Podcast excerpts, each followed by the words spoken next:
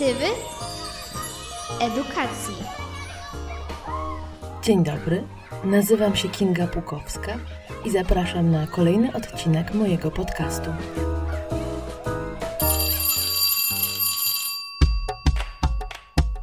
Sto pytań o edukację domową. Jak planować dzień? Dzień dobry, nazywam się Kinga Pukowska i to jest mój podcast Pozytywy Edukacji. Jeżeli masz jakiś pomysł, co powinno znaleźć się w podcaście Pozytywy Edukacji, zachęcam do kontaktu kinga.pukowska.pozytywy.pl Dzisiaj chciałam opowiedzieć Wam trochę o pewnym pomyśle, który powstał w trakcie konsultacji z Karoliną, e, biznesową skrzydłową. Serdecznie ją e, pozdrawiam przy tej okazji e, aby stworzyć e-book zawierający 100 pytań o edukację domową. I zadałam to pytanie, rzuciłam ten temat na Instagram, zapytałam moich odbiorców, jakie pytania słyszeli najczęściej, albo jakie najdziwniejsze pytania słyszeli w kontekście ich dzieci, które już są w edukacji domowej, albo do tych, którzy myślą o edukacji domowej, czego chcieliby się dowiedzieć, albo jakie pytanie chcieliby zadać, ale nie mają komu.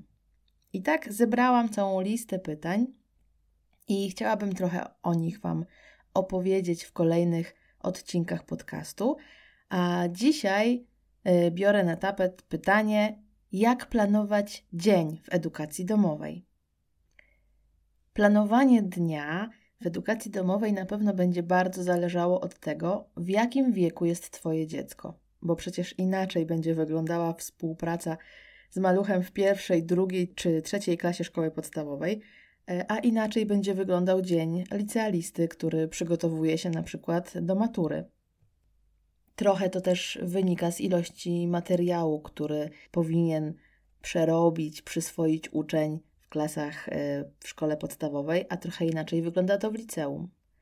Dużo pewnie też będzie zależało od tego, co poza edukacją szkolną robi Twoje dziecko, bo bardzo często jest tak, że na pewnym etapie życia to te zajęcia dodatkowe wyznaczają rytm, a nauka szkolna odbywa się trochę przy okazji.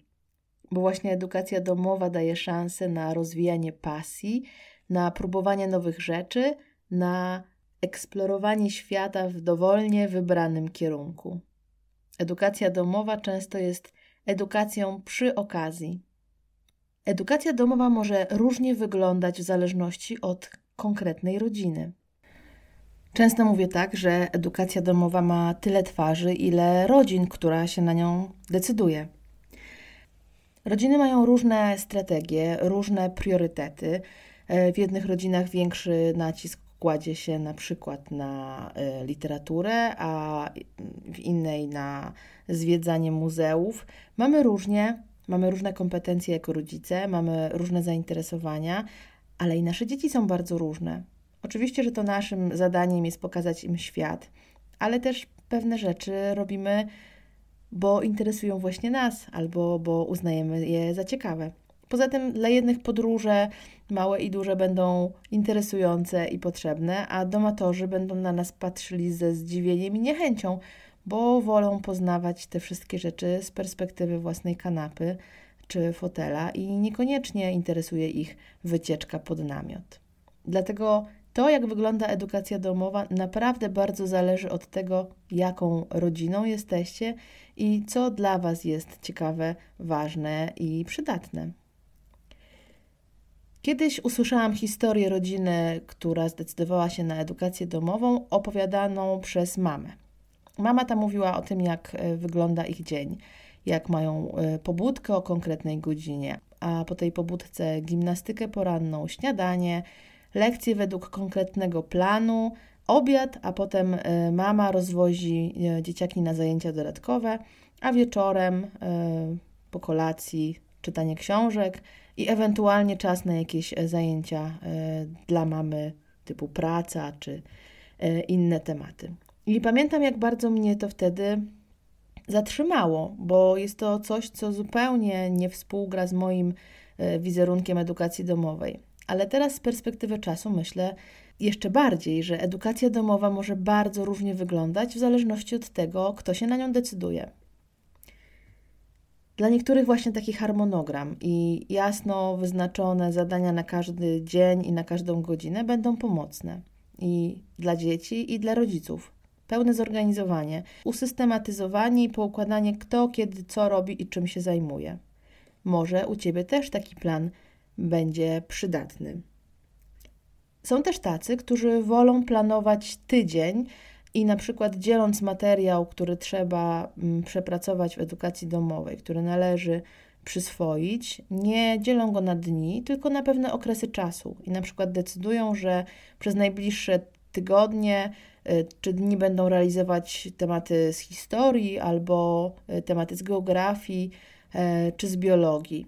I tak organizują czas, żeby te właśnie informacje zostały przekazane w najbardziej przystępny sposób, w taki, który pasuje i dzieciom, i rodzicom.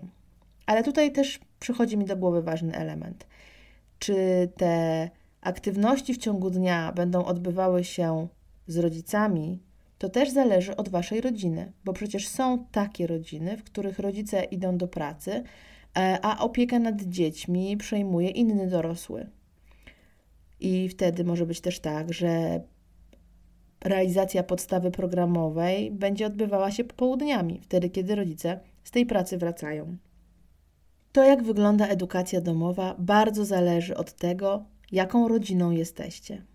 Wiele rodzin zadaje sobie pytanie, jakie są ich elementy kluczowe, jakie elementy powinny znaleźć się w planie każdego dnia, niezależnie od tego, czy realizują plan bardzo konkretny i bardzo usystematyzowany na każdy dzień, czy bardziej ramowy, tygodniowy, czy jeszcze w dłuższym okresie czasu, może warto zadać sobie pytanie, co jest dla mnie kluczowe, co jest dla mnie najważniejsze. Może wspólne czytanie książek, albo wieczorem przed snem, albo o poranku po śniadaniu, a może wspólne słuchanie muzyki, albo jakieś prace plastyczne, które chcecie, aby miały miejsce codziennie, a może aktywności fizyczne, czy ćwiczenia, czy wycieczki rowerowe, a może wycieczki w góry, które chcielibyście w jakiś cykliczny sposób zaplanować. Zastanów się, co dla Ciebie jest kluczowe w codzienności. I nie chodzi mi tu tylko o podstawę programową i o to, kiedy uczyć się matematyki, a kiedy angielskiego, tylko co chciałbyś, co chciałabyś, aby znalazło się każdego dnia w planie Waszej edukacji domowej. Budowanie pewnych nawyków można zacząć na samym początku edukacji. Im wcześniej zaczynamy, im z mniejszymi dziećmi, tym pewnie jest łatwiej. Starsze dzieciaki, nastolatki są bardzo samodzielne. Dość często nie potrzebują tego, by to rodzice planowali ich edukację, a nawet jeżeli tak było wcześniej, to małymi krokami można wycofywać się z tej odpowiedzialności, przenosić ją na młodzież.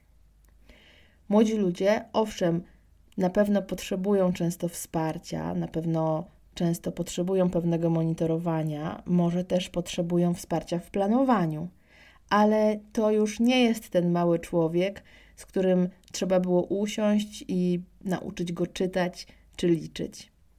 Tutaj często przydaje się wspólne planowanie. Czy to będzie tydzień, czy miesiąc, to zależy od Was. Zaplanujcie, podzielcie materiał na etapy, a może zaproponujcie, żeby to nastolatek przygotował taki plan i się z Wami tym planem podzielił. Ale planowanie to nie wszystko. Warto sprawdzać, czy plan wdrażany jest w życie. I myślę tu i o mniejszych dzieciach, i o tych większych.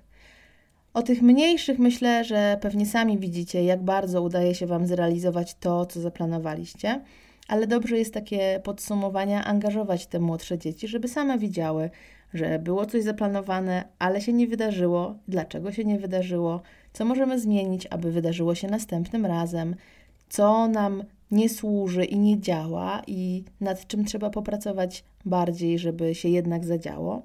A ze starszymi dzieciakami takie podsumowania są bardzo potrzebne, bo papier i plan przyjmą wszystko. A żeby nauczyć się, jak to robić w sposób realny, taki osiągalny, to już inna kwestia. Dlatego dobrze jest robić podsumowania i sprawdzać, co się zadziało, a czego zabrakło, co możemy zmienić, nad czym warto pracować. Jeżeli coś działa, to można robić tego więcej. Jeżeli coś ciągle nie działa, to robienie tego nadal nic tu nie zmieni. Może trzeba zmienić sposób, zmienić strategię. Może warto zastosować inne narzędzia albo poprosić o wsparcie kogoś z zewnątrz. Różne mogą być metody rozwiązywania trudności w kontekście edukacji domowej, ale nie tylko w edukacji domowej. To jest pewne zadanie, które staje przed nami, gdy decydujemy się na taką formę edukacji naszych dzieci.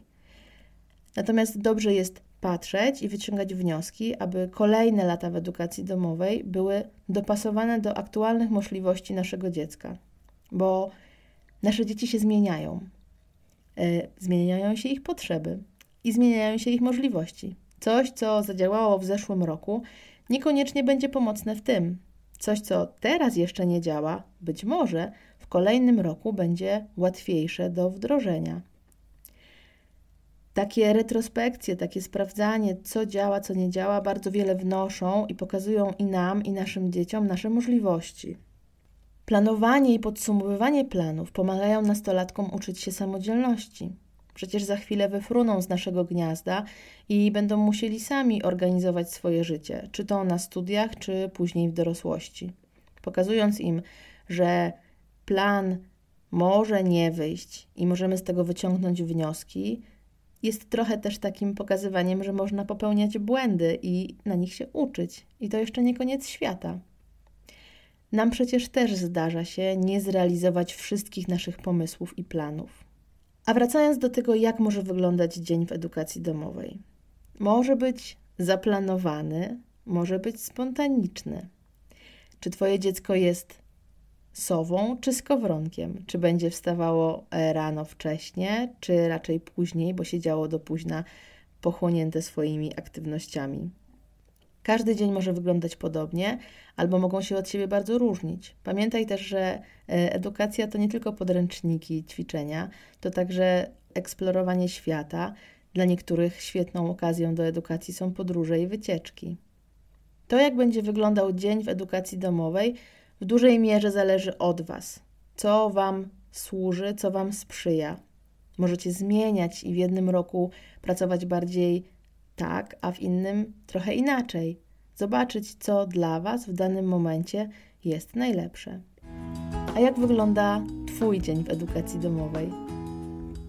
Będzie mi miło przeczytać Twoją historię i dowiedzieć się, jak Wy poukładaliście swój plan. Dziękuję Ci bardzo za wysłuchanie kolejnego odcinka. Mam nadzieję, że udało mi się stworzyć serię 100 pytań o edukację domową i poruszymy jeszcze wiele tematów związanych z tym, jak może wyglądać nauka w domu. Jeżeli masz dla mnie jakieś sugestie albo pytania, koniecznie do mnie napisz kinga.pukowska.pozytywy.pl Zapraszam Cię również do obserwowania Instagrama Pozytywów i Facebooka, a także do zapisania się na pozytywny newsletter. Będę się starać co piątek wysyłać do Ciebie niezbyt długi, pozytywny list. Do usłyszenia.